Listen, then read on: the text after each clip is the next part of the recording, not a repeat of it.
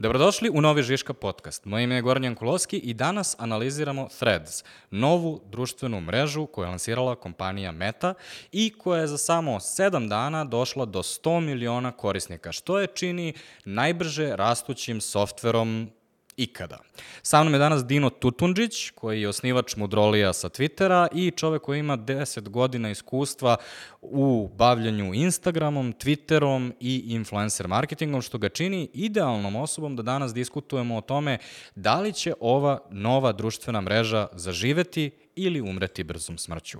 Pored toga bavili smo se i svim ostalim detaljima koji su bitni, poput toga koji je vibe, koja je ekipa tamo, koje su sve funkcionalnosti dostupne, šta su sve problemi sa privatnošću koje Threads ima, da li je bitno u tom to što je lansirano ili nije lansirano u Evropskoj uniji i tome slično. Ako vas zanima da li smo dobili novu društvenu mrežu za postovanje ili za brendove, onda poslušajte razgovor koji sledi.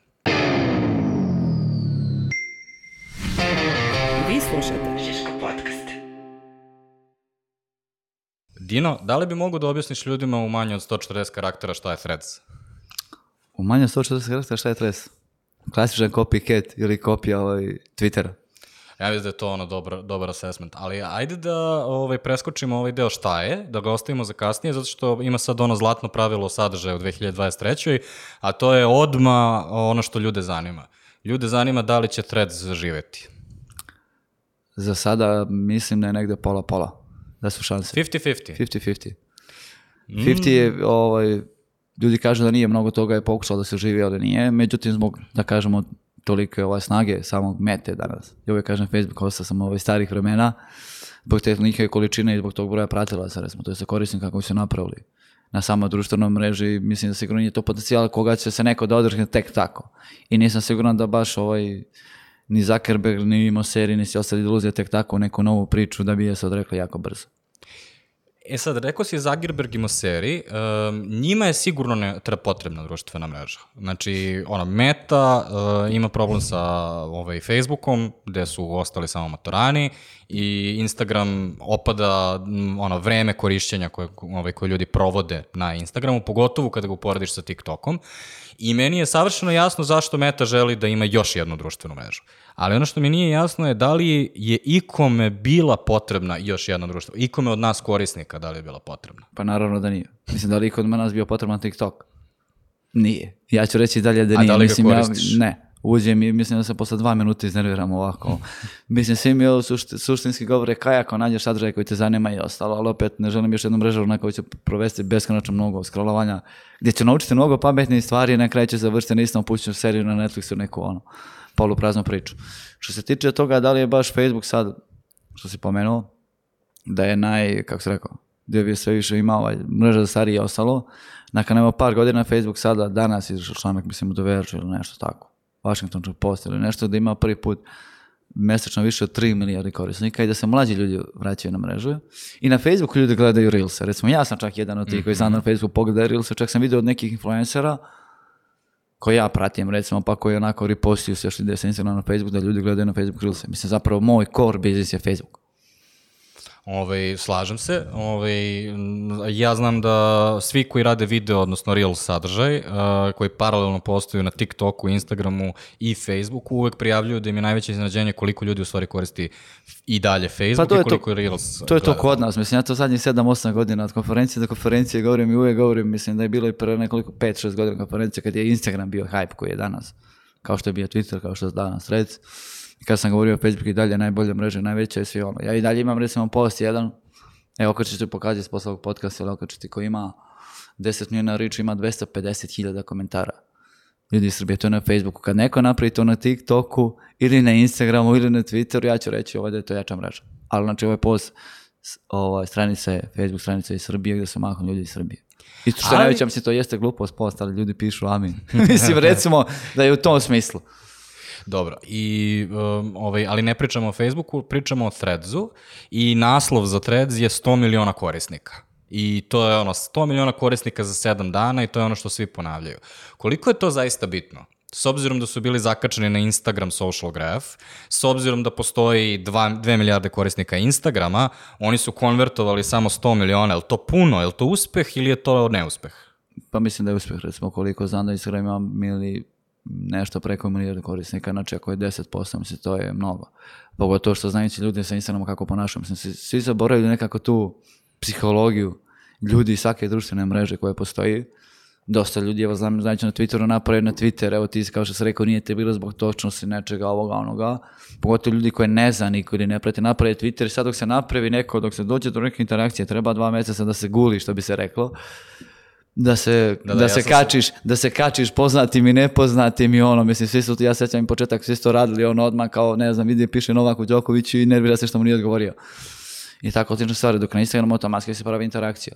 Mislim, ja sam u roku od koliko 10 minuta je dobio 500 pratilaca na trecu i ne znam, odmah su počeli ljudi da ne znam, komentarišu, dodaju i ostalo. Što pogotovo da se ne lažemo do danas, ljudima je to duševna hrana. Tako da sa te strane jeste u prednosti. A da li su ti e, ljudi jednako interaktivni, odnosno da li su, da li e, imaš engagement ovaj, na toj društvenoj mreži, jer, pazi, ja sam recimo u istraživanju pogledao sam Mišomorku, zato što o- ovaj, ona mi je ostala zapamćena, Da. dok sam još koristio Twitter pre 7 godina. I pogledam njene uh, tweetove i sad ona je neke tweetove objavila i kao threads i recimo dobila je 30 lajkova, ali dobila je 300 lajkova na svom Twitteru. Kao što je tvoj osjećaj, koliko interakcije ima na threadsu u odnosu na Twitter? U, za sada manje, to je sigurno. Da će ljudi, mislim sad, ne, mislim, mislim da će zapravo najveći problem, ne znam ni kako, kako je uspostavljen taj algoritam zapravo na kako će biti, mislim, uvijek je taj problem, taj hronološki feed, da li će biti kao takav, da li će biti kao što nekad bio na Facebooku, ili će biti, ne znam, kao što je na Instagram i ostalo, mislim da zapravo tu se krije sad, daj, to jeste da je manje broj interakcija, sigurno da je manje, sad da li će to nekad povećati, ili neće, to nisam siguran. A da li onda imaš osjećaj da je hype oko Threadsa već prošao? Nekako ti si rekao kao čim sam došao, ljudi su krenuli da pišu i tako dalje i dosta ljudi je primetilo da nekako prva tri dana svi smo, glavna tema je bio Threads. I Twitter je uvek bio najbolji kada svi imamo jednu Kada svi temu imamo i jednu svi temu, tweetamo da. istome. I kada ti, kada ti to bude Threads, onda je svima jasno šta je tema, ali nekako u posljednjih dve nedelje kao da ne možemo da nađemo ok, neki koji guraju svoje privatne biznise pokušavaju to da rade. Neki koji ono repostuju svoje slike sa Instagrama, neki pri, pišu tweetove kao ono kao nekada. Isto kada, kao sa nekada, da. Jel- Pa da je sigurno da je hype da je pao, mislim sad, mislim da je bukvalno danas svako čudo ove tri dana dosta i ostalo. Ali sad evo što je zanimljivo što sam video da je Zuckerberg zapratio ovaj Jacka Dorsija Mm. na trecu i ostale, ovaj, napisao mu Jack Dorsey kao da nije malo previše rano ili nešto, mislim što nisam siguran koliko Zuckerberg zapravo Naravno, da li je to PR tim ili kogod je ostalo da se ovaj ponaša tako. Pa pazi, s obzirom da je a, tweetao da želi da se tuče u ringu zajedno sa Elonom, ja Da. mislim da je on u nekom trenutku svoj PR tim otpustio i krenuo sam ono, da se zabavlja sa, sa svim Pa društvenim ne, mislim, ne, nije isključeno i ostalo, tako da svakako, mislim, ti ljudi koji su napravili zapravo threads, to su, to su ljudi koji su radili u Twitteru. A, to je sad pitanje. Ovaj, Koliko se čulo i ostalo, Da, mislim. ti si, u stvari, če, postoji ona tužba koju Da. je uh, Elon pod- podneo protiv Threadsa i u njoj se navodi da su tu uh, zaposleni Twittera, mada ono što je prvi odgovor Mete je bio da u stvari ti ljudi uopšte nisu u Threads timu, nego su u totalno drugim timovima, ali kao što znamo, jeli, sudit, sudit će se oni pa će nam javiti. Um, ovaj, nedavno izašao i podatak da kao dnevno aktivni korisnici pali 20%, ali ono što je meni bilo daleko bitnije kao podatak je da je vreme provedeno na mreži u samo dve nedelje palo sa 20 na 10 minuta, što mi ipak govori da ta, da ta priča oko toga da je splasao hype je ono ne, donekle realna. Međutim, ti si počeo sa 50-50 i ja isto nisam spreman još uvek da ih otpišem, iako vidim sve ovo što smo sada pričali, sve nekako mu dođe negativno. Da. Šta onda ostade pozitivno? Šta još meta ima kao keca u rukavu koju može da izvadi? Pa sigurno recimo sami ako dođe do nekako, ako se, nisam koliko siguran sad koliko će da raditi kakav video, monetizacija sadržaja i ostalo fotografija. I koliko vidim, ovaj, danas sam baš vidio recimo između Ilona Maska i nekih influencera sad, ne mogu da se setim više koga beše ili novinara. Postoji priča o plaćanju kreatora. Mhm. na koji ovaj način nam pokušavate da zadrže ljudi na svojoj mreži i zapravo najveći, mislim, koji je benefit, može da bude treca zato što je Twitter jeste poprilično toksična mreža i ostalo i ko ljudi nisu navikli iz tog sveta, ne mogu da na Twitteru, pogotovo danas. Mislim, danas je sve- gore i gore i politički, a cela meta zapravo pokušava da pravi neki toplu ljudsku priču svih mreža i ostalo. Mislim, to znam i od sa nekih konferencija njihovih inside, što bi se rekao, gde su prije pola godine i godinu dana govorili da će sav sadržaj što, što ide na Instagram, što na Facebooku, mediji, publisheri i svi ostali, da će ići ka priče toga da budu to što manje hronike, što manje politike i svega ostalo, samo će biti kuce, mace, ne znam, lepe priče, putovanja i ostalo. I mislim da je tu najveća možda zapravo suština treća. Dosta ljudi ode zapravo i sa Twittera jer pre ili kasnije tamo malo neko jače mišljenje bude idete pod nož cima i onda ovako vas redaju. Ne znam ko na Twitteru danas da je duže od pola godine nije prošao kroz bilo kako toplog zeca, ne u smislu samo političkog. Mislimo ti probaj da nas okači bilo kako mišljenje, ne znam. Da li je pevači o filmu, dovoljno da kaže da se neki film ne sviđa, ali ne znam, ko još ide da gleda Barbiku i ne avalice se ono 200 devojaka koji će ti ono ne znam šta reći, misli to je Twitter svak svakoga, ono, nema zaštićenih. A mislim da sa druge strane na treće to baš ne može, pogotovo što na Twitteru ta i dalje postoji anonimnost, koju ja zapravo cenim. Gotivim samo što je ta anonimnost danas otišla u drugu krajnost. Koristi se da bi se, ne znam, ljudi opankavali, vređali. Mislim, evo imamo sada slučaj sa svim botima i ostalim, dok na trecu, baš zato što su povukli profile sa Instagrama, ne može baš da se napiše sad je to, to, ja ću tebi kažem tako, ti si glup, ti si ovakav, ti si onako. A da li će to potrajati? Mislim, opisao si da je vibe na Threadsu drugačiji nego na Twitteru i okej, nova je društvena mreža takođe. Da li ako mu daš uh, ono, šest meseci i tu i prođu, na primjer, jedni američki izbori gde se ljudi često pokrve ovaj, na zapadu, ali kao posle kod jasno. nas, ovaj, da li će to biti održivo, da li će to ostati? Pa mislimo i dalje da kažemo i Meta, Instagram, evo sad ili Threads ili koja god njihova mreža, mislim da je mnogo održivija nego od TikToka gdje mislim klinci tamo od 12 godina mogu da pišu najveće obljubotine, ne da pišu nego snimaju. Twitter isto tako o tome tek da ne pričam. Mislim ipak da je ovaj, imam ne znam koliko 50-60 Facebook stranica i svega ostalog i ne znam koliko 15-20 Instagram profila i ostalog, mnogo manje ipak ima hejta nego što je na Twitteru. Iste stvari, recimo prosti, iste stvari koje sam pisao na Twitteru, isti tweet. Kada sam napravimo groli ili slično. Pre 10 godina mogu se napišem i ništa se ne bi desilo. Eventualno ljudima je bilo smešno. Danas banalan vic napišeš na Twitteru, bili muju u hasu nešto, ide 70 grupacija da te vređa, da li si mu vređao žene, da li sam muškarci, da li sam ove, da li sam oni, ostalo na Facebooku, to malo iskreno malo fun- dru- drugačije funkcioniš. I lako te banio, mislim, tamo te algorita za mali, za stativu ovaj, letiš napolje. A šta misliš da je razlog tome? Zašto je Twitter postao takav? Pa mislim zato što su političari došli pre svega na njega. Zato što su počeli, ne znam, od Trumpa i ostalog, ja se sjećam kao što su i sad ovdje i, i raditi se nekim ovdje ljudima i kada je Trump došao i ostalo, tada su svi političari kao ono, idemo samo opet copy-paste, e, Twitter je odmah super to da se radi sa publikom, da se ne znam, imate sa glasačkim tijelom i ostalo i onda se došla neka masa ljudi kojima Twitter samo zapravo služi za to i ostalo. Mislim, ti se sećaš vjerojatno me pre koliko si otišao sedam godina, nije to baš bilo tako, mislim, bilo je toga, ali mo- i tad iako se nismo slagali, mogli smo da se ne slažemo. Ok, ne slažemo se, ja tebi kažem, ajde, vozi, e, ovako, onako, pali, ti meni to kažeš, ali tu se za- završava priča. Danas je odmah se upliče sve živo moguće. I mislim da zapravo ta neka korpo priča, ali najviše političar, što se kod nas tiče, to je sigurno da je tako, kada su oni otkrili i ostalo. Dok je bilo, da kažem, onako poznati voditelji, neki sportisti i ta neka core ekipa. Tako recimo i kada su zbog modroli, ajde, popularnosti Twittera, ne da kada je krenulo, prvi ljudi koji su dolazili, oni su se uklapali.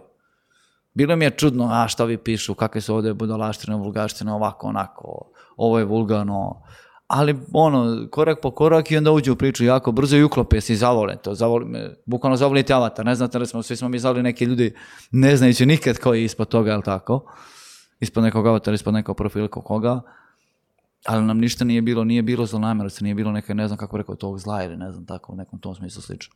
A sada je to postalo, ne znam, mislim, sad, sad bi ovo je, sad je, talibani su se oglasili, rekli su da im je bolji Twitter od trece, mislim, o, mislim, kada su preuzeli Afganistan, oni su bili verifikovani automatski od koliko, od sat vremena, mislim. Što je na Facebooku, mislim, to nezamislivo baš. A koliko ima veze sa time što postoje sada ovi najuspešniji tweetovi i postoje ti tweetovi koji su kao um, ono, najretweetovaniji, najlajkovaniji i onda ti on servira te tweetove iako ne pratiš te ljude i to je bila ogromna promena Da. za Twitter. I sad recimo trenutno ja... Uzeo moju foru. A sad, recimo, ja ne pratim nekoga ko se bavi politikom, ali s obz- ako ta osoba dobije, na primjer, Da, hiljadu znam. lajkova, ona će meni izaći na feedu. Jel to imalo ikakvog uticaja na taj Jest. vibe? Pa jeste i sad, mislim, što zato sad je ona napade da je to malo nište Twitter. Mislim, ja sam prvi kažem gde su ljudi koje ja pratim. Izlazim i mislim, uđem na Twitter, vidim neke ljude, ne zapravo ko neki ono ko ljudi pratim, jer ono, uvek se išlo po nekom tome, ljudi sa kojima ima najviše interakcije, oni mi izlaze, a sada mi neki tako, ne znam, ono. Ja mislim da pratim osobu, pa sa ono još kao komentarišem i onda kao vidim da nemam pojma koja mislim. Tako ljudi političari, sa neke strane to može da bude zanimljivo, a sa druge mislim možda se dešava Twitter u zadnjih ne znam koliko nije dobro za sam Twitter. Meni se lično ne sviđa.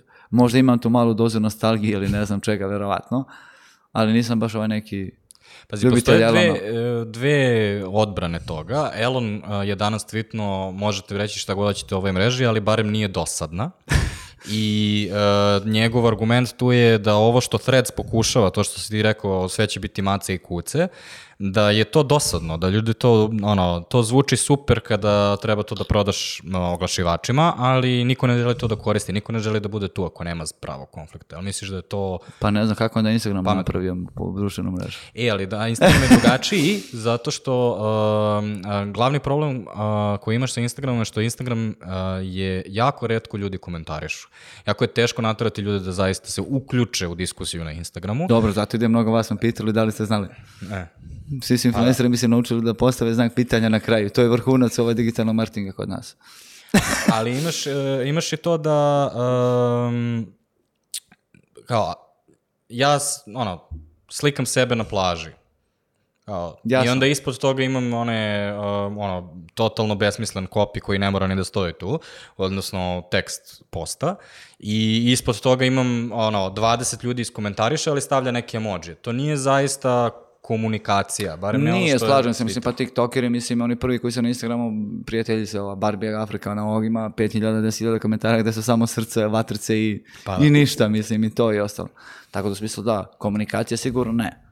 Mislim, Twitter je zapravo za ljude koji vole pre svega pisanu reč. Twitteraši su se bunili kada je ubačeno, ne znam, previše tog videa, sadržaja.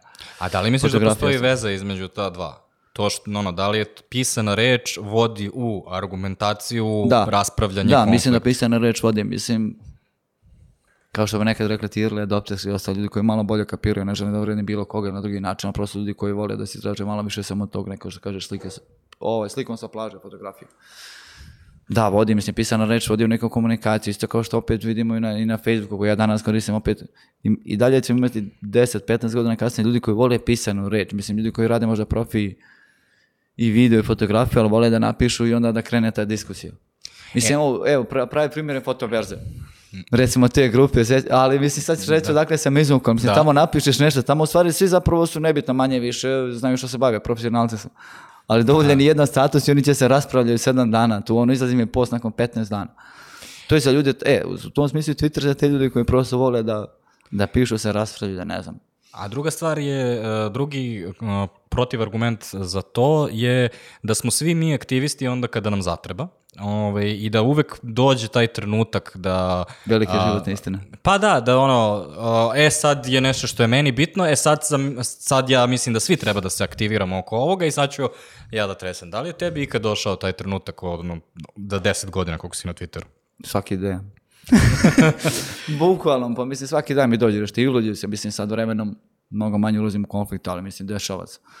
Mislim pogotovo danas, ono kad uđem i tako što, ovaj, što kažeš izbacim mi Twitter i što želim da vidim, što ne želim da vidim i ono, tonu nekih gluposti, ne znam, nekih neistina, nekih bilo čega, mislim da ne sam mnogo toga, sve kao se trudimo, mislim, trudi se društvene mreže i sve ostalo regulative i EU i USA i ostalo da smanje taj fake news i onda mislim, na Twitteru prijatelj napiše da je diplomirao ETF u 40. godini i ono i 10.000 retweetova i svi mu čestitaju i ne znam. I u tim, mislim, u tim stvarima se desi da tako da reagujem. Ja sam, desi da reagujem, kažem što sam napisao vic, bukvalno poruku postoji, ja mislim, ono iz vremena i razapeli su me kao ono, roštiljali su me tri dana. Ono, da sam uvredio se moguće, ne znam, grupacije, da ovako, da onako, da mislim. Dovoljno, ne znam, na Twitteru napiše da više voliš jecu nego cecu i ti ide problem. Tako da samo što se ja moram na profesionalnu informaciju, pa sad se ovaj više ne ulazim u raspravu i ostalo. Pošto naravno na Twitteru tek jedno čekaju da im neko odgovori i to može da traje do beskrnača. Ili se dešavalo, ti znaš kako ide u menšinima. U mom menšinu se posveđaju ljudi, ja četiri dana ulazim, već ima tu 49 plus piše ono ljudi, oni se svađaju dalje sedam dana kasnije. Ove, Probaj, E sad- vero mi, nakon što se vratio, probaj, malo čači nešto. Nađi temu koja će biti zanimljiva, ali onako, A- ovaj, malo širu.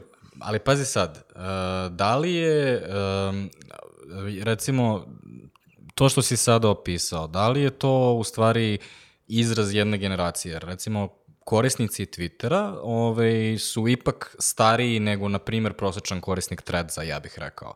Da li misliš da može da dođe sada do smene generacija koju Meta može ovde da iskoristi, pa dok se milenijalci i Gen Xeri raspravljaju oko politike i aktivizma na Twitteru i sve se dešava što je sada opisao, A, za to vreme ovaj, Jen a, Zederi će da ono, pričaju o muzici, o ljubavi, o dejtovanju na Threadsu i um, ovaj, time praktično napraviš smenu internet generacije. Pa može, mislim, to je dobra zamisla, dobra ideja, dar, ali mislim da bi zbog toga, kao što sam rekao, opet da se vratimo, morat će privuču neke kreatore. Neke ljude, recimo, dali sa TikToka ili ostalo, koji bi mogli da naprave, pošto recimo samo na YouTube-u nekad je bila ta rasprava, recimo, oko YouTubera i ne znam, kreatora. Sad recimo da imamo nekog PewDiePie na trecu, sigurno da im povuku ogroman broj ovaj, ljudi i klinaca koji bi mogli da rasprave to, da naprave tu neku kvalitetno, da kažem, atmosferu. Samo nisam sigurno sad, pošto su ti klinici po meni poprilično toksični, i na TikToku, i na Twitteru. Mislim, na Twitteru u stvari zapravo mnogo su gori ti klinici taj kako se rekao Zender ili GNX, oni su mnogo znaju toksični, ne trpe autoritete, stariji i ostalo, mislim, ljudi kao ono na Twitteru često koji su naprave klinci od 20 godina, 18 godina naprave Twitter profil i odmah oni prave svoje profila, šta se ti meni, ko si ti meni došao da kažeš. Mi se razgovara recimo sa tim starijim, sa svom generacijom, pa ćeš da vidiš koliko im se to puta često dešava. Ali pomenuo Ali bi bila dobra, ali bi bila dobra zamisla da se to desi. Ja sam nekako uvijek na strane mete, valjda zato što živim od njih više nego od TikToka. Ove- Ili Twittera. Pomenuo si da je Elon krenuo da plaća kreatore, konkretno izdvojio je nekih 5 miliona dolara i dobro, dobili su uglavnom kreatori koji su a, u Americi. A, postoji već članak koji je analizirao da su to u stvari konzervativci koji su bliski Elonu. Da, republikanci. dalje. Ali e, Meta ima daleko dublje džepove. A, ako bi Meta sad htela da krene da počne da plaća kreatore, a, da li vidiš onda da ako dupliraju taj fond i bude fazonu 10 miliona, da li misliš da to onda bude neki zamajac koji ih zarola da ovo bude uspešno? Pa sigurno, samo što mislim da će Meta ako bude ulagat će mnogo više. Mislim, Meta je plaćala samo kod nas ljudi malo, to recimo slabije znaju, plaćala sve kod nas gamera. Nisam to znao. Da, Facebook je plaćao. Mislim da se samo streamuju na Facebooku, to recimo da su, pa recimo Muđa, mislim, recimo se ne sjećam, Asol Gaming, da su dobili recimo mjesečnu ugovor od 50.000 dolara. 5-10, tako da to se radilo pre 2-3 par godina, kada je već krenuo na gaming, mislim, kao što imaš ono Watch i ostalo što je bilo, u svijetu se to mnogo više plaćalo. Da ne govorim Vitali i ostali youtuberi i ostali koji su plaćali za mnogo, mnogo su ovaj velike sa pare dobili. Plus Instant Articles, plus ne znam, video monetizacije i ostalo. Oni su Ali plaćali i kod nas direktno preko neke agencije, da znam, mislim, malo ti ljudi, ali bilo da kažem neki top možda tih gamera koji se streamovalo, sad zavisi od neki watch time, koliko šta je bilo, recimo kao Twitch što je bilo. Na Instagramu isto znam da i direktno znaju nešto da plaća, ali sve to ide ispod žitelja preko ono jedne, dve agencije. Ako bi krenulo da to bude vol vadi, malo bi smisla. Oni dalje imaju problem sa EU, mislim, opet iz nekih razloga, vratno zbog podataka, kako već to ide regulativa. Um, ali eto, recimo, to je primjer za Facebook Live, a Facebook Live nije zaživeo, znači, ono, nisu sve mogući ipak, jel? Pa nisu sve moguće ipak, da. A reci mi, da li je moguće, um, ove, jedna stvar koju ja vidim sada, recimo da si ti osoba koja je kreator, koji, um, ono, baš želiš da se fokusiraš na tekst, to ti je forte, to te zanima. I sad, uh, ako želiš da počneš na Twitteru sada, mnogo je teže u stvari da, jer već postoje etablirani igrači, već Da. ljudi znaju ko su naši Twitteraši i ti sada da se probiješ kod njih i u stvari mnogo teže nego da počneš na novo i onda kada dođe neka nova društvena mreža, uvek se desi neka vrsta reseta. Sećaš se kada je krenuo Instagram, nekako su uh, ljudi, uh, ono, sećaš se recimo ničim izazvani, bio Twitteraš. Da. Pa je onda tek ono, prešao na Instagram, ali mnogi ljudi nisu uspeli Mnogi da pređu nisu, da. i činjenica da se pojavila neka nova društvena mreža je ljudima dala neku mogućnost da naprave nešto novo. Da li misliš da je to ovaj, može da bude priča za Threads, da jednostavno se oslobodi neka nova generacija ili nova grupa kreatora koji do sada nisu mogli dođu do izražaja? Pa sigurno da da, kao recimo na TikToku. Na TikToku imamo koliko već kreatora sadržaja, kao nigde drugi nisi mogao da vidiš do sad, koji su prilično kreativni, što je meni uvijek pitanje gde su i do sad ljudi bili. Mislim, zašto to isto to nisam Pa, radio na Instagramu? Mislim, ne znam svi to- do koliko godina imaju, ali onako tek su Pa se dobro, ispilili. Nije, dobro, jasno, ali opet, ova mislim je sad, što se tiče, recimo, kao spomenuo, ničim ili svih ostalih, o, znaš kako, mislim da ljudi idu gde ima, ovaj, gde ima para, mislim, super to, možemo, mogu ja pišem na Twitteru koliko god hoćeš, ali ako ja dobijem, ono, ne znam, 1000 eura za jedan post i tri storija, ići ću na Instagram i lako će da naučim, ne znam, skinuti tri aplikacije da pravim reelsevi i ostalo. Tako da u smislu toga ako se napravi deo monetizacije i svega ostalog za trec, može to da bude priča. Ili ako se već to nekako uveže. Mislim, sad nisam siguran, možemo on uvek kako će biti. Sjetimo se kada je, ne znam, kupljen Instagram, pa je bilo kako će to sad, način će to da liči, drama. Pa kad je bio Whatsapp, pa, kuku, majko, kako sad. Mislim, sve je to prošlo, neke stvari prolaze, neke ne. Mislim, u gde god ide, gde god idu pare, bit će ovaj ide tako je sad. Koliko će novih, mislim, nisam siguran dakle više mogu da se izmisliti neki novi korisnici. Što se reka, vraćamo se na početak, da li je nam stvarno više trebala nova mreža, mislim, imali smo, ne znam, i pisano, i video, i foto, i audio, ovako i onako, i kao šta još. Ali dobro si sad krenuo da, da razmišljaš, zato što mi smo propustili objašnjenje šta je Threads, ovaj, rekli smo to je kopija Twittera, ali u stvari nije baš kopija Twittera. I još zanimljivije pitanje je, a, oni su u stvari požurili sa lansiranjem zbog toga što je Twitter ograničio Da. broj tweetova koji možeš da loaduješ svaki dan. I oni su nama rekli da je ovo poluproizvod, odnosno MVP, minimum Da. viable product. Ali šta ti vidiš da će biti Threads? Kao šta Threads može da uradi što je ono, bolje i tako dalje? Pomenuo si recimo monetizacija je jedna velika stvar. A, ono što Meta uvek dobro radi, to je to oglašavanje. To je oglašavanje, da. Ako, ovaj, lepo si se setio tog ono, zlatnog doba Instagrama kada su fotografi verovali da na njihovu mrežu neće doći oglasi. Da. Davno beše. A, I onda kao sad uđeš i svaki četvrti ti je oglas. I to je ono što Meta radi jako dobro i njihov biznis menadžer je verovatno najnapredniji u svim Da. društvenih medija. Ono, kolje se sa Sigurno. Googlom i tako dalje. Mislim, ono, znam u glavu mogu da te pogodim, ono. Da. I sad, šta vidiš još kao, ono, šta vidiš još što su fičeri koji su presudni za Threads u budućnosti? Pa mislim što će moći da se, da se nekako kobani upravo ta, ne znam, i Facebook i ostalo, i mlađi i stari i ostalo. E sad, na koji neki bezbedan način nisam siguran. Na konto oglašivača i ostalog, recimo, Elon Musk nije baš omiljan kod oglašivača, mislim. Ljudi zaboravljaju kad je Nancy Pelosi jednom rekla nešto loše o njemu, izgubio je 50% oglašivača. Počeš od Coca-Cola, ne znam, Adidas, Nike i ostalo. Mislim, i sad je ono zapravo u padu. Dok Pa mislim on da je Musk mnogo bolji sa te je strane. izašao, Danas je izašao, ovaj, on je čak e, da? izašao i rekao je da je 50% smanjen i da je bez obzira na otpuštanja koje je napravio u Twitteru i dalje imaju negativ cash flow, odnosno nisu profitabilni iz razloga što je 50% oglašivača otišlo. Ali doći ćemo na oglašivača na kraju. Uh, ajde se vratimo znači za uh, threads, šta vidiš šta su presudne stvari za aplikacije. Recimo, jedna stvar je taj autoflow sa Instagrama. Ti si automatski praktično uvezao sve svoje followere. Je to bilo dobro ili loše? Mislim da je dobro. Jer recimo što sam primetio, mislim čak sam ja nekim ljudima komentarisao, ne znam, ne znam, nisam skoro kako sam izašli koje ne pratim i ostalo. Mislim da će ljudi u smislu neke interakcije, komunikacije, muvanje i svega ostalog lakše mnogo na trecu nekoj se osobi obratiti nego na Instagramu.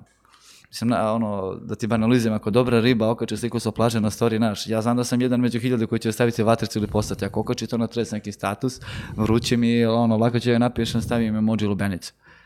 Mislim, znaš, u tom smislu, da li me kapiraš? Ja sam oženjen, znači ne pratim ništa od ovog.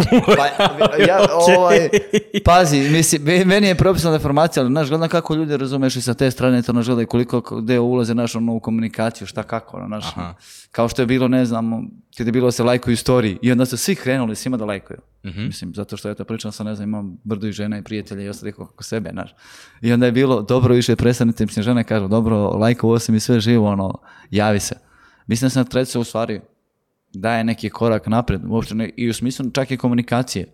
Među recimo, ne znam, i političarima, ljudi koji ne znaš i ostalo. Znači, mislim da Instagram opet malo više nekako zatvoreniji. A ovako kad ne vidite direktno, ne znam, lici ili ostalo, ne znam kako bi to da objasnim. To je neki moj osjećaj ovako subjektivan koji ja to ne mogu da objasnim, ali lakše na trecu koji na Twitteru. Na Twitteru ne vidiš nik- čovjeka nikad vidio, možda napišeš šta god hoćeš na svetu. Jel tako? I kao to ništa, kao šta ti? Kažem, mislim, ja to znam ljudi političarima i ostalo i ono kao, Znaš, ono, ja znam, ono, ja napišem neki tweet polupolitički i taguje Vučića i onda i ti, Vučić i ovo i ono i ja vama i sve živo. E, to mislim da je nešto na trecu. To nisam baš ne može se desiti. A koliko je bitno što su sakrili broj ljudi koje pratiš ti? Znači, imaš koji broj ljudi prati mene, ali nekoliki broj ljudi to- ja pratim, to- moraš da mislim- klikneš tri puta pa, da sve što se manje vidi, te stvari mislim da je to najbitnije. Kako Mislim, što se manje ovaj, vidi neke te stvari bitnije. Mislim, u smislu kako to tebi ja sam ovako. Znam, sam sad danas pročna devojka ide izlazak, ode kod frizera, šminkera, plati šminku 200 eura, ode kod fotografa da je slika pre toga, slika je profil fotograf i sve kroz to provuče na kraju kroz face up do maksimuma, onako da izbriše nos. Tako da ovaj, ako možda skapiraš koliko ljudi vole zapravo da se kriju, a i dalje pričaju, budimo ono što jesmo i ostalo. Mi sad te govorio o prosječa korisniku Instagrama, pa i treca danas i ostalo. Tako da ljudi ono, bila i drama, ljudi neće vidjeti koliko šta se koliko lajkuje, koliko imamo lajkova, ne znam, pregleda i ostalo. Ljudi vole to samo da pokažu koga prate, dal- daleko ne. Mislim, sad opet se ne znam- vraćamo, opet se vraćamo sa neke strane, prosti. Mislim se opet vraćamo sa neke stvari, ono kao bili smo prvo s anonimni nekad, ono vremena kad starice, pa onda kao svi idemo pod imenom da znamo svi ko smo, šta smo. Sad opet se svi nekako vraćamo, a ne mora baš sve da se zna. Ni koga pratim, ni šta, ni kako, ni ono, mislim, danas je ono, nekad je to bilo prati svak svakoga, mislim, a u suštini danas e, pola ljudi koje znamo, na koji su u vezi, kombinacijama, ne znam čemu, varaju muževe, supruge i ostalo, zapravo se ne prate na društvenim mrežama. Jer kao svi su provalili ko šta kako. Zato što imaš ljude koji, ne znam, provere da li ovaj voler otprati ovu devojku, da li ni ovaj, ili su zapratili. I mi, verujem, mislim, gledam to na Twitteru, ono, svakodnevno, ono, i meni je to ono, neverovatno šta ljudi, ali isprate, pogotovo te mlađe generacije, koji na TikToku šta kome je odgovorio, tako da zapravo sa neke strane sve je onako open, ali treba nam te malo anonimnost. Ajde, pokušaj Ja ne želim, recimo, da vidim sad, ok, mislim, ne smeta mi ono. Ja mogu sve što pričam i ovdje kažem na dnevniku zva, nije mi to problem. Ali ne želim baš ono kao da vidim koga prati i ostalo. Znaš imaš one mimove čak, kako se sećaš one serije kada je bila Squid Game ili nešto. Pa ona prva igra kao ona sa onim očima na lutka koja se okreće, bila je fora kao kad vidim da zaprati jedno više, ono kao one more following. Tako da ljudi to jako dobro prate. A, A svi smo tu samo za cveće, lase, proleće. Mislim, Ako- evo, evo prosti završit ti primjera. Prijatelj, našao je devojku. Poslije jedne fotografije sa njom, ne znam koliko, 300 devojaka ga je otpratila. Inače, inače ono uvijek je bilo, mu ništa nije rekao, svi su tu da se druži, ali šta se onda desilo, zašto on follow? Ne, kažem ti, ono, ostaje se, to je nekako bukvalno prethodni život. Ali, hajde pokušaj sad da izađeš iz tog e, domena um, ovaj, ljubavnog i ličnog i koliko je onda bitno ako ljudi toliko obsesivno prate takve detalje. Je li bitno što je ceo jedan kontinent, odnosno Evropska unija, nije na Threadsu? Znači, Threads nije lansiran u Evropskoj uniji. Je li to uopšte bitno za uspeh aplikacije? Pa u početku mislim sada sigurno je sve da biti, mislim sad šta ako imaju sad 110 milijana, a šta ako kad bude to recimo moguće, koliko će da bude? A jel, Koji je to recimo potencijalno koliko misliš da smo mi svi uvezani međusobno? Koliko je da. Twitter onako kao Srb, da nije. samo Srbija? Ne, mislim da smo svi samo živimo sa nekim svojim babogalom, onako od ono, što se tiče svake mreže. Mislim, dalje Snapchat je, ne znam, u Americi popularniji mnogo od Twittera. Samo što je nama dalje Twitter, Elon Musk i Donald Trump, ono, nama Elon Musk kao Bogoljub Karić nekad, ovaj, i ostalo, naš, ili Trump Pa, Meni je više kao neka reality serija koju volim da pratim. Pa ili recimo nešto tako, ono, ljudima ne znam, kad pričaš sa ljudima iz Brazila koji neke, imaju neke druge opcije, recimo kao što je bio Marketplace ili ne znam, oni su prvi imali, Brazil koliko već ima stanovnika, 50, ne znam, 100 miliona koji imaju totalno neke druge feature ili stvari koje koriste, oni imaju totalno drugi doživljaj interneta. Ili ne znam, ljudi ne, ne znam, o Kini neće ni da pričam. Gde imaju, ne znam, gde njima preko WeChata sve se zapravo dešava i ostalo gde njima ono kao sve je fake, ovako sve onako, znam ljudi, ne znam, jugoistočne Azije, samo što mi mislimo da se to vrti se svet oko nas, e, mi, New York, Miami, šta je rekao Moseri, šta je rekao Musk i u Srbiji, mislim, prvi mi nismo u EU. Mi smo najnebitnije tržište za oglašivače, znam, baviti se i satnim kako da dobijemo neki bolji support na Balkanu. I sve ostalo i ovaj, tada lik, recimo iz Facebooka koji je rekao, ali o, banalizovat ću recimo više Adidas da ono potroši za jedan dan nego cijelo vaša ono jugoistočna Evropa za mjesec dana kao kakav vi support da imate, ne ložite se. Dobro. Ovaj, Tako da sa te strane mislim u smislu da, evo da, ali govorim znači ono zapadna Evropa i ostalo. Mislim sigurno će doći neke regulacije ili kako će to već Dublin da reguliše. A um, jedna stvar koju ljudi um, dosta potenciraju, pogotovo u medijima, jeste koliko podataka prikuplja um, ovaj threads. Ovaj, koliko misliš da će to biti bitno ljudima? S obzirom da, evo, moj utisak je, to je jako, ono, jako dobra linija da se napiše članak, dobra je fora da snimiš TikTok, onaj lik koji je snimio kako sebi daje papire, ovaj, pa ovaj, proverava šta piše u terms and conditions. Um, ono, dobro je da se podigne fama jedan dan, ali u suštini nikog nije Ništa, mislim da je taj brod davno otplavio. Mislim da smo mi sve što smo imali dali smo davno ko zna kome. Mislim, tako da i ta priča oko podataka, mislim. Sad ako vam koristimo Facebook, Instagram, Whatsapp i šta kao, sad će trec nešto da mi uzme više. Stvarno. znači šta još da saznaju što već ne znaju o meni. Da te vratim u onaj Miami koji si rekao malo pre, uh, ima teorija zašto je, zašto je lansiran Threads, a to je da je Meti neophodan neki, negde gde će da trenira svoj AI. Ove, zbog toga što uh, Instagram i Facebook su prvenstveno postaviš post i onda komentar koji Da. je vezan za post. Ali te dve stvari rade zajedno. Njima je potreban threads da bi imali tekst koji uh, funkcioniše bez konteksta u naokolo Da. i tom onda može da trenira AI i to je ona i zlatni graal ako si ispratio možda Reddit trenutno Da, ovaj, isto prolazi kroz taj problem, jer na toj e, mreži svi se izražavamo kolokvijalno, izražavamo se prirodno, onda ako treniraš artificial intelligence da, on će da pokupi, da pokupi, da. I onda Mislim, negde, ima negde smisla. u budućnost, budućnosti će tebe zameniti AI, imaćeš mudrolije sa AI. Pa mislim, ja sam to, to mi je ovaj danas razmišljajući jutros, baš mi je nešto palo slično na tu temu. Da li bi to, kako bi to moglo da se radi? Mislim da AI pravi mudrolije i to mislim da sigurno da ima smisla da trenira i ostalo, da će vratiti oni neki svoj kao što sam rekao, kolokvijalno i ostalo, sad kako, koliko će to da živi, koliko, ali ako recimo milijardi ljudi napiše, pa ne znam, deset rečenica, oni poprilično imaju neki dobar sistem. Sa time što, um, recimo, kada je počeo Threads, um, nekako pokušavam da uhvatim, ja recimo koristim chat GPT, Ovaj, koristio sam i Bard i mislim da je dosta lošiji, barem po onome što sam ja testirao. Ali meni je chat GPT korisna, zabavna alatka, ali ni blizu toga da može da bude autonoman, da može Da, da, zaista da, da, jasno. sa, sam radi, na primjer. I recimo Threads mi je možda i najbolji dokaz toga, zbog toga što ako je tačno da je, ono, da je chat GPT zaista kreativan, onda bi uh, chat GPT kreatori trebali Napravo, već da, da. su najbolji na Threadsu, je li tako? Jer su mogli da izbace do da, sada mogu, 10.000 da, to je da, da threadova, napravi odnosno 7000 tweetova. tredova, da, ali mislim da se to nije dešava. Mislim, ne znam koliko jesu počeli zapravo ili uopšte neko je počeo da Možda je pravi neko od ovih, ono, mali princ i ostali, možda su oni AI, ko zna. Pa, nisam. nisam siguran pokušao. Mislim da ipak, ipak u tom smislu da je ovaj da je brand najbitniji. Opet mislim na kraju vraćamo se opet bitno je to ko šta piše i ostalo. Mislim ja to ne znam kako rekao sami po sebi i ostalo. Mislim meni je na modulima mislim da ne znam koliko sad ima 10.000 ljudi samo kad smo napravili neke par neke gluposti na za, zato što ljudi to očekuju nešto mislim ono. Kao ja opet kažem šta već reći što nije rečeno. Pa i to je već rečeno. A reci mi, ajde da se vratimo na Bogoljuba Karića a, interneta, a št, da li Elon Musk uništava Twitter? O, mislim, za sada da da. E Da? sad, da. Meni se mislim lično ne sviđa ovo. Mislim sad, u stvari meni je neke sa tim njegovim zabranom ajde- skrepovanja, meni je napravio neke probleme lično. Skrepovanje? pa da, zato što nije mogla, ja sam prije recimo u smislu tog screenshota, uzimanja podataka i ostalo, mogao sam, imao sam ceo program i ostalo gdje sam mogao povučen sve sa Twittera i ostalo automatski odradi. Sve je to nemoguće. Bilo Pa- kakav pristup papiju, sad mislim zbog svega toga on je zabranio i ostalo. Mislim da, da si ono, jedan od mnogih kreatora koji ima problem sa time. Znači, TweetDeck Da. Takođe Da, kukao, ne može da se koristi. Mada juče neko mi je rekao, vidio sam da mislim ovaj, Sonoxman da je rekao nešto da je valjda opet počelo da radi, ali on je to pustio. Mislim, stvari to, kad je zabran sklepanje svega ostalo, to je nestalo nakon što je sutradan pušten threads. Nisam sigurno da je to zapravo taj limit tweetova i ostalo, da, da je to imalo samo neka razgovor. Mislim da to vratno neki, možda internet, neki njihov rad. Ali mislim, meni se ne, ne volim ja te arogante ljudi, ja sam najpametniji, ja sam ovo, ja sam ono, način na koji mi je dao ljudima otkazi i ostalo i to meni, mislim, neke stvari sigurno da, mislim, onda taj Jesi način monetizacije i ograničenje ostalo. broja tweetova? Što se desilo sad skoro. Da, jesam, ali sad mislim sad opet Jesi mogu došao da do kraja, da- si prevrtao? Da, je, pa mislim što je, ono, nije to mnogo, to je ono 15 minuta scrolla. Sad opet može to kao da se ide, nije to sad kao problem.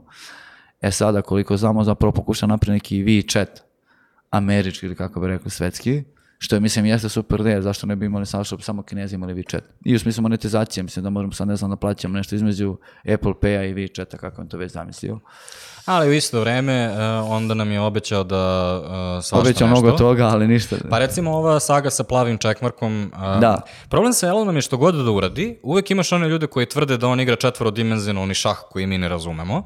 A recimo kada je izašao sa plavim čekmarkom, svi smo odmah, mislim, ja sam bar bio u fazonu, ovo je toliko glupo, jer poenta plavog čekmarka je bila da ti znaš da je neko taj koji tvrdi Taj, taj da koji jeste. verifikuje da jeste, mislim, to je I bilo... onda u trenutku kada može da se plati, ti si promenio ono što Možeš je da radiš bilo šta, mislim, ja sam verifikovao te ljude baš i na Twitteru, recimo, i da mislim, moralo da li to bio medij ili neko da ti svojom ličnom kartom i ostalo, mislim, ne, ne sad napišem ja Marko Marković i platim preko Paypala i kao ja sam verifikovan.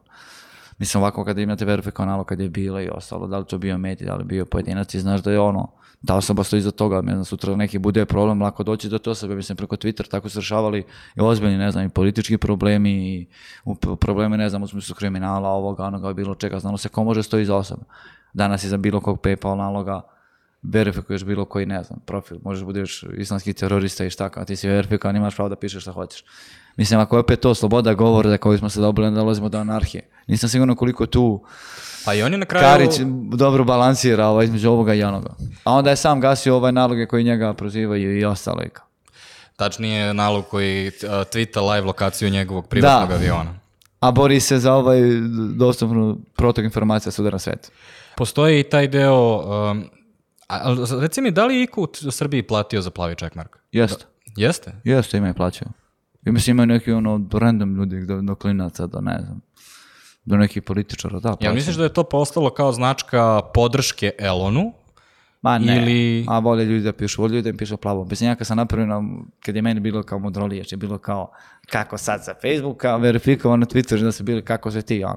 Mislim, sad je bilo malo ljudi, sam nekih poznatih i tako medija. I onda, mislim, ljudi su ono, lože se pa prilično tako, i kao gde u Srbiji, verujem. Mislim, na Instagramu sam verifikovao koliko ljudi, o, poznatih i nepoznatih zvezda, o, kupovalo se followera na tone, mislim, ono imamo ovaj, evo ekskluzivno što bi se rekao, da ti kažem, ono ne znam, skoro čitam članak 12 najpopularnijih, recimo, srpkinja na svetu, sa ne znam koliko pratilaca.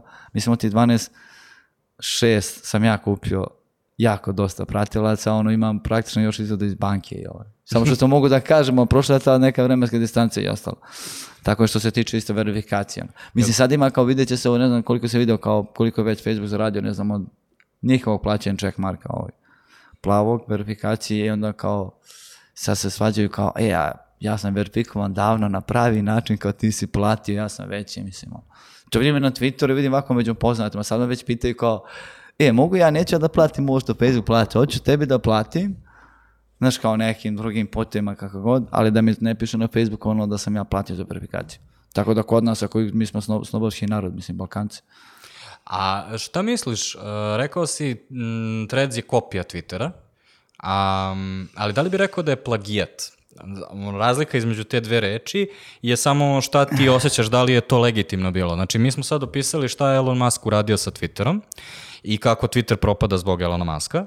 Uh, odnosno sve probleme koje on prati, Da. pa sad da li ono, ljudi neki to trpe, neki ne trpe i tako dalje. Ovaj, da li je u trenutku kada tvoja konkurencija posustaje, je legitimno da ti izađeš i kažeš isto ono što i vi, Naravno da jeste. samo malo bolje ili Pa malo mislim, manje? naravno da jeste. To je, pa Jelon je malte ne kupio isto u nekom trenutku kad je bio isto problem sa Twitterom i tada, kad je bio nekom vakumu. A što se tiče Facebooka, mislim, pa nije to prvi put da rade. Mislim, oni su prekopirali sve što je moglo. Ili plagirali, mislim, i od Snapchata kad je bilo Instagram stories, pa šta je bilo, ne znam, posle toga.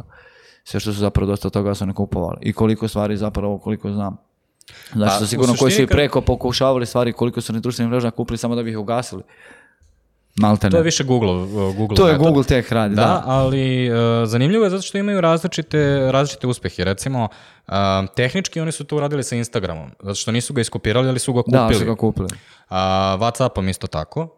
Instagram Stories, ako se Da. sećaš kada se lansirala Instagram Stories, nekako smo imali kontra vibe ovome sada što imamo sa Threadsom. Da. Zato što su većina stranih komentatora je bila u fazonu, a ovo je samo plagijat, dosadno, to je isto. A to je uspelo. Da, ali razlog zašto je uspelo je zato što kod nas još uvek nije bila dovoljna masa ljudi koja je koristila Snapchat i Snapchat je bio ograničen na klince tada još uvek. I onda jednostavno imao si tu ogromnu bazu Instagrama gde si samo pljusnuo ljudima feature i kao...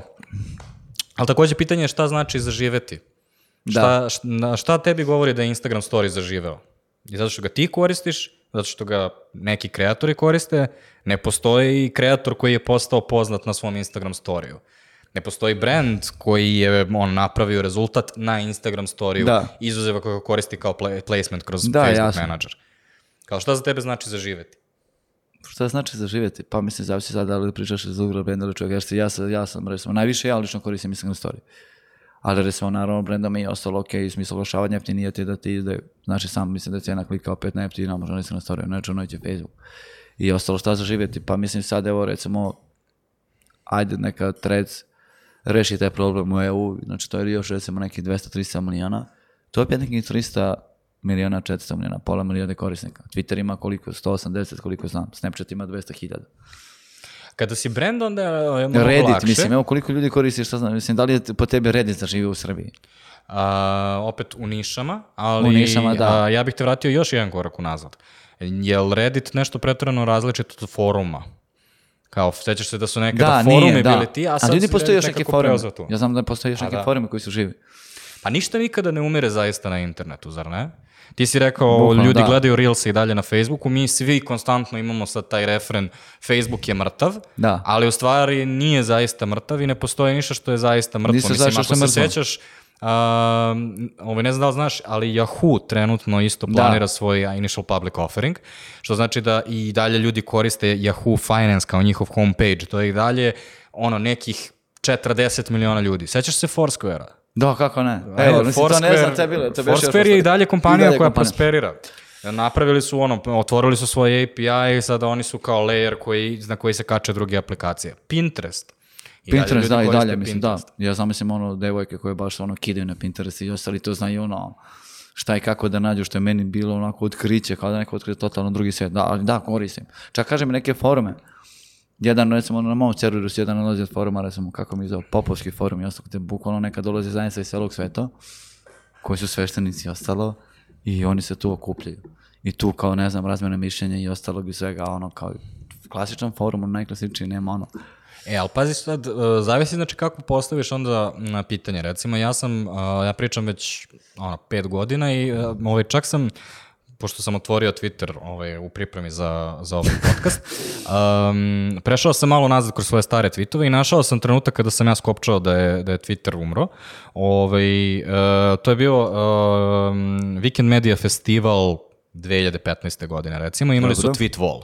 Znači, unutra su ti gomila ljudi koji su iz medija, trebalo bi da taj tweet wall bude dosta posjećen i ja se sećam ono za cijelo predavanje je bilo tri tweeta i ono što sam ja tu skopčao je um, u slučaju da si brand ti imaš jedno, kao što si samo pisao, veoma toksično, tenzično okruženje i um, ovaj, imaš, znači, veoma moguće je da te neko napuca, ovaj, ono, bilo za tvoj, ono, ako ima problem sa proizvodom, Ja, ma, ja mahom savjetujem ljudima da ne otvaraju brendove, ne otvaraju Twitter. I, ja ali recimo u isto vreme, um, ove, ove godine na um, ovaj, Miksu, uh, Metalac, Metalac, sa da, ja ne svojim, ono, sve počinje sa Twittera, mislim nije samo na Twitteru, ali oni su sa svojim case-om Da. praktično Da napravili vidi da najveću može, kampanju. mislim, da.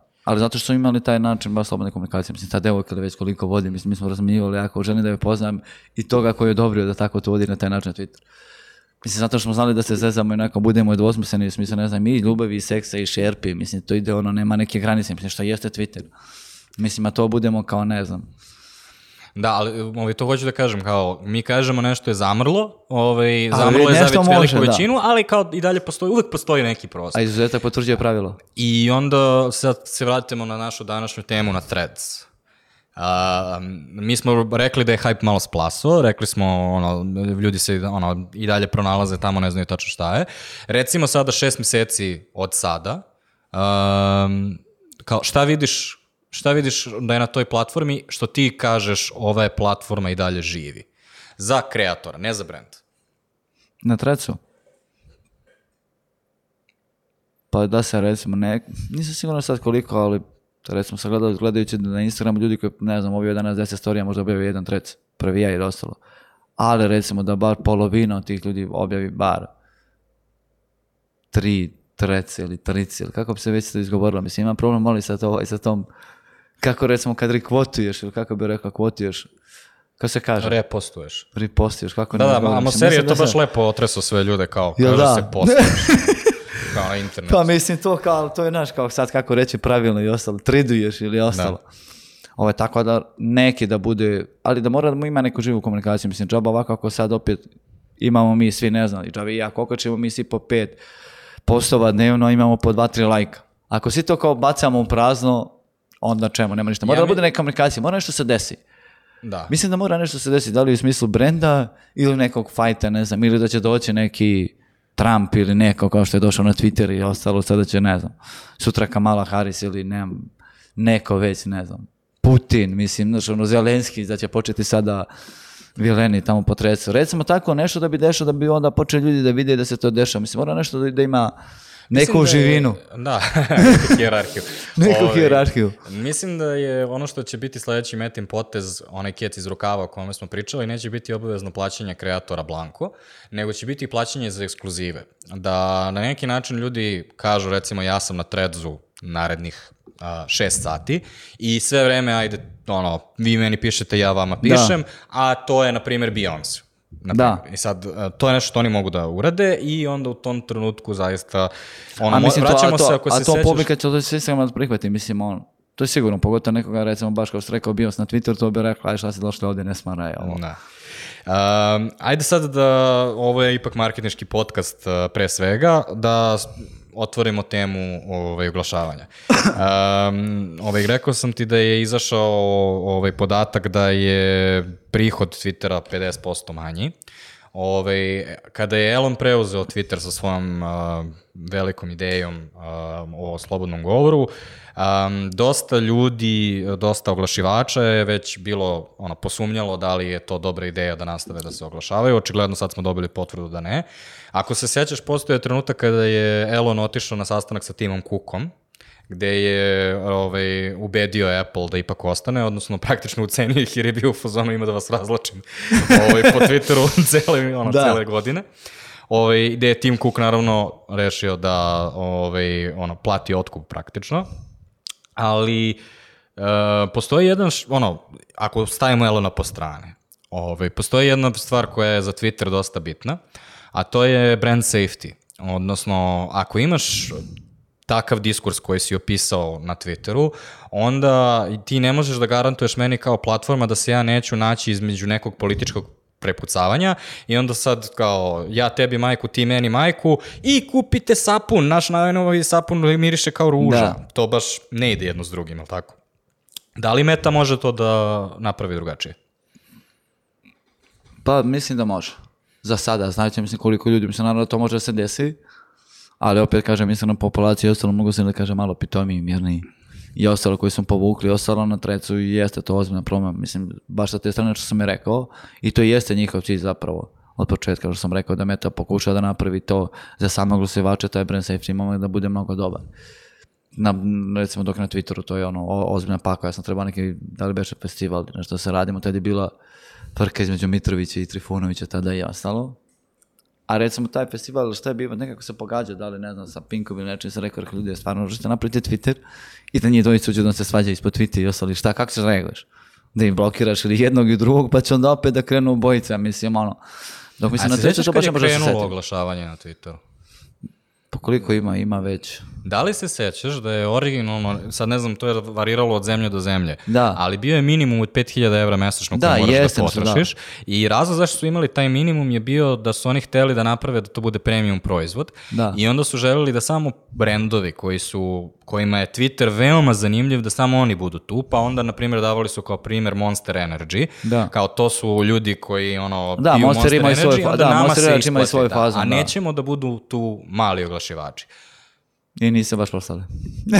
Da, sa druge strane imaš Facebook koji nema tu vrstu diskriminacije, koji je od početka bio u fazonu imaš frizerski salon ili Može. Uh, ono si A1, sve jedno, svi igrate istu tržišnu utakmicu. Znači, kao, da li mi, ono, mislim da nam taj, uh, taj model nam praktično dolazi na threads. Da, to sigurno, to, to mislim da će pustiti. Facebook nikad ne odbija pare, kao što recimo na osnovu spendinga tog čuvenog, dosta stvari možeš da radiš ovaj, što zapravo misliš da ti je zabranjeno po njihovom guidelines i ostalo, ali potroši recimo 100-200 hiljada dolara mesečno, možeš da pustiš na Instagramu, Facebooku reklamu koju ne možeš da zamisliš ovako, koju ne možeš da okačiš normalno, mislim da napraviš hiljadu nekih stvari. Znam za te stvari, zato što sam se bavio sa tim i rešavao ljudima te stvari.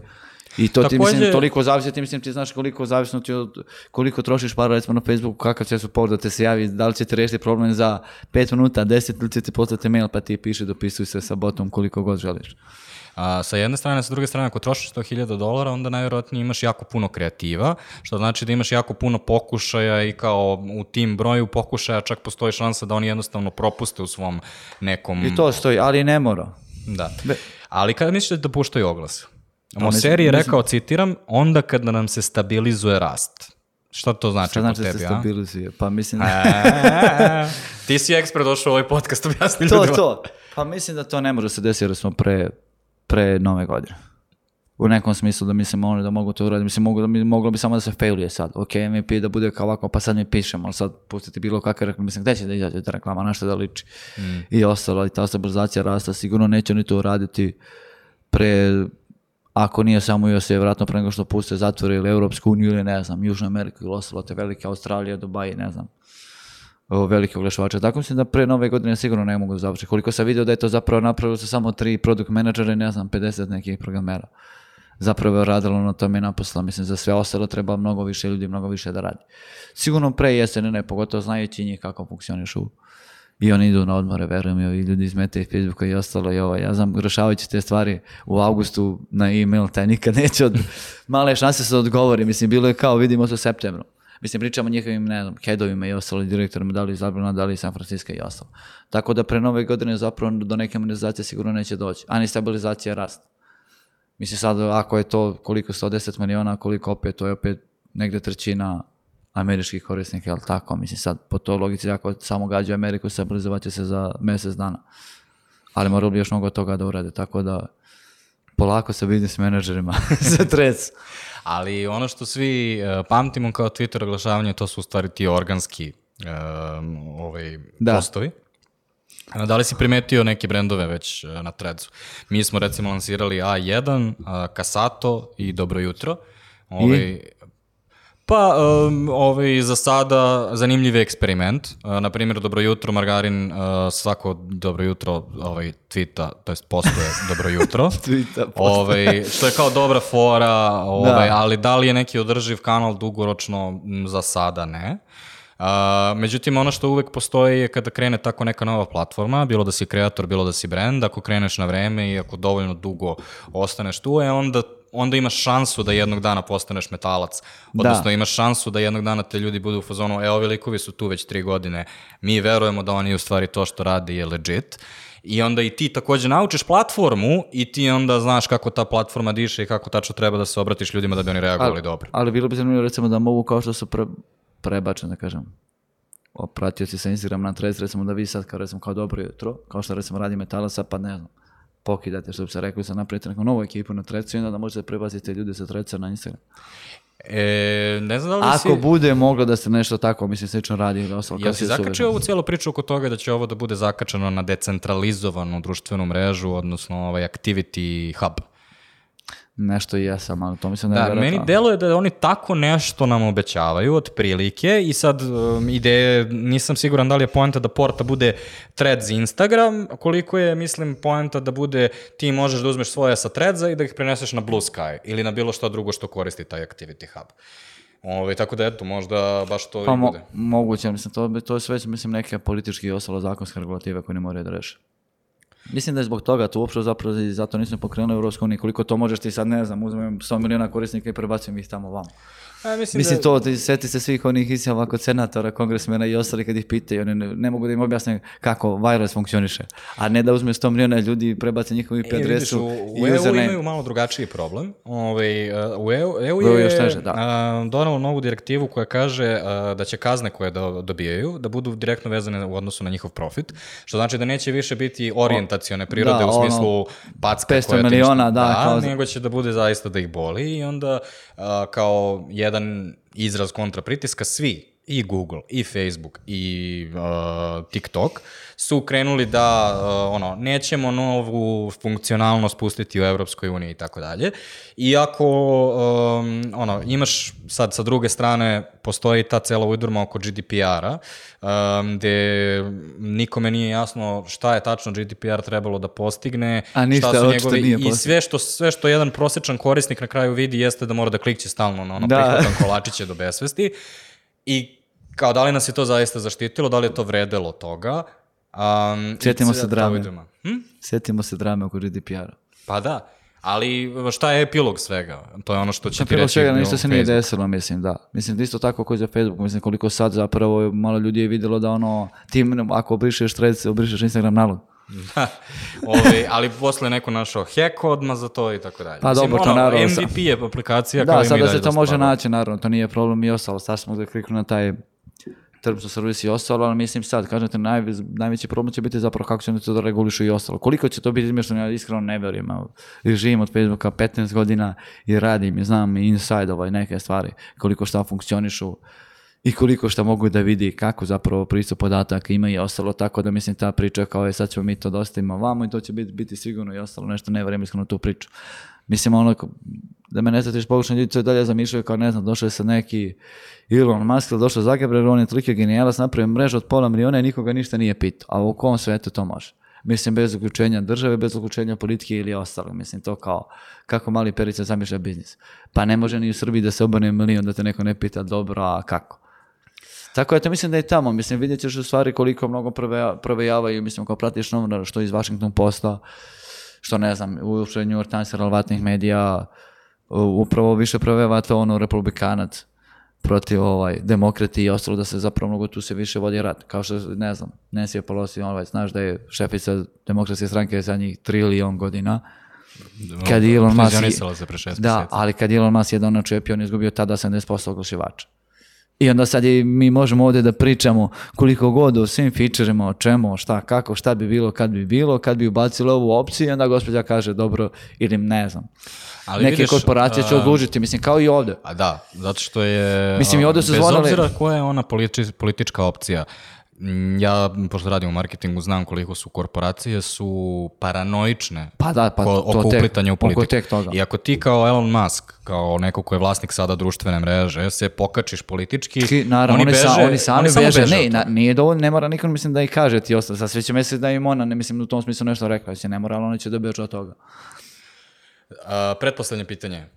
Ko ti je pobedio Threads kao kreator? Ja ću ti reći ko je moj. A, ne znam da li si ispratio danas RS. A, kada Ne, se vidio sam, da, da, da, Threads, da. Ovaj, njihova komunikacija i na kraju ovaj, javio se i kolega Čedomir Vučinić uh, je izašao kao objasnio ovaj, u članku uh, šta je Threads i kako, koja je bila njihova strategija. Meni je to bio onako najdraži primjer, zato što bukvalno tog dana je sve krenulo da se dešava i sve je bilo toliko negative. i nekako Da, da, da, su jesu, oni jesu prvi, baš- mislim, to što su prvi nakačili ostalo, mislim, oni inače kao mediji malo ovako odskaču, imaju neke tako gure svoje fazane ostalo su slobodni, tako da tres da, jesu, što se tiče kod naših zasad, mislim da jesu oni najbolji, ali dobro, još jedno, sedam dana. Vidjet ćemo vas. Ali, ovaj, ko, ko je tvoj omiljeni kreator na Threadsu? O, pa ne, ne, ne bih rekao, ne znam, nemam mobilnog kreatora na internetu, iskreno ti kažem. Mm. Mislim, ja ne- nisam ono kao nekoga da pratim to, kao nikada. Mislim, nekada nešto možda više jesam, ali kao niti da li to bilo ni travel blogger, niti influencer, niti twitteraš, niti ostalo. Mogu da kažem neki više ljudi koji su se nekada sviđali, ali nisam kao sad je Mr. Beast, ne znam, ili kad je bio PewDiePie ili Oatmeal, kad je bio, mislim, super, ali kao ne uvek. I posljednje pitanje, ovo moram da te pitam. Ovaj, svi su postavili ovo pitanje i napravili ovu foru. Hoćeš napraviti tredolije. Verovatno da hoću, se mogu da postojim, ali kao šta se zovu tredolije sa treca. mislim, meni je problem A ovaj... zašto ne bi bio mudrosti sa interneta? A ne, tako se, e, pa pazi, kad sam pravio modrolije zapravo, bilo je to kako se prvo se zove stranica, tada u razgovoru sa tom prijateljicom, bilo je kao, pa da se zove mudrosti, no, sam za sebe kao, previše mi je to onaš kao official nekako, to kao, i da sam izvukao to modrolije, ne znam, dakle, iz Ahilove pete, i onda ono, onaš, kao, pošto zato niko nije koristio modrolije, sjećam se raši me napadali, kao, je, zašto? Da, da, mudrolije su daleko neformalnije nego Pa mudrosti. da, da, definitivno. nego mudrosti. Ja mislim, trdolije bi bilo, ali bi... Mislim da bi stvari vjerojatno svi rekli, jasno, dobro, više dokle ti, dečko, naš, kao ono, prekini. Mislim, sad kažem, samo da budu trdolije, ok, ali kao, mislim, rogobat mi kako i da napišem to da bude, mislim, sad ono mora da... Ko E. Morao bi da zovem, jer Klein još živ. kao, nije, mislim, beš ili nekoga tako da, kao kako će to sad se zove, kako da se piše, kako da ono i kako, tredolije sa Twittera, tredolije sa, tredolije sa, ne znam, čega, ili mudrolije sa trece. Mudrolije sa trece jesa bi se napravio. Eto ti, znači, ovaj, ostavit ću tebe da rešiš taj, tu zagoneku Vidjet ćemo uskoro. Ovaj, a vi, ako vas zanimaju društveni mediji i uh, ovaj, slične digital uh, priče, idite naše uh, YouTube i potražite playlistu Žiška o internetu, gde imamo uh, kada je prvi put lansiran Metaverzum, kada je prvi put lansiran Clubhouse, uh, Slack, uh, generalno kada je ovaj, social dilema i tako dalje, gomila ovakvih sličnih tema. A, a ako vas slušate preko audio platforme, onda vam preporučujem epizodu broj 182, e, koja je o digitalnom detoksu, odnosno počinje sa onim pitanjem koje sam Dina pitao na samom početku, to je pošto nikome nije trebala još jedna društvena mreža, kako da se isključimo iz digitalnog sveta. Želim vam do slušanja, pošto podcaste niko ne gleda. Vi slušate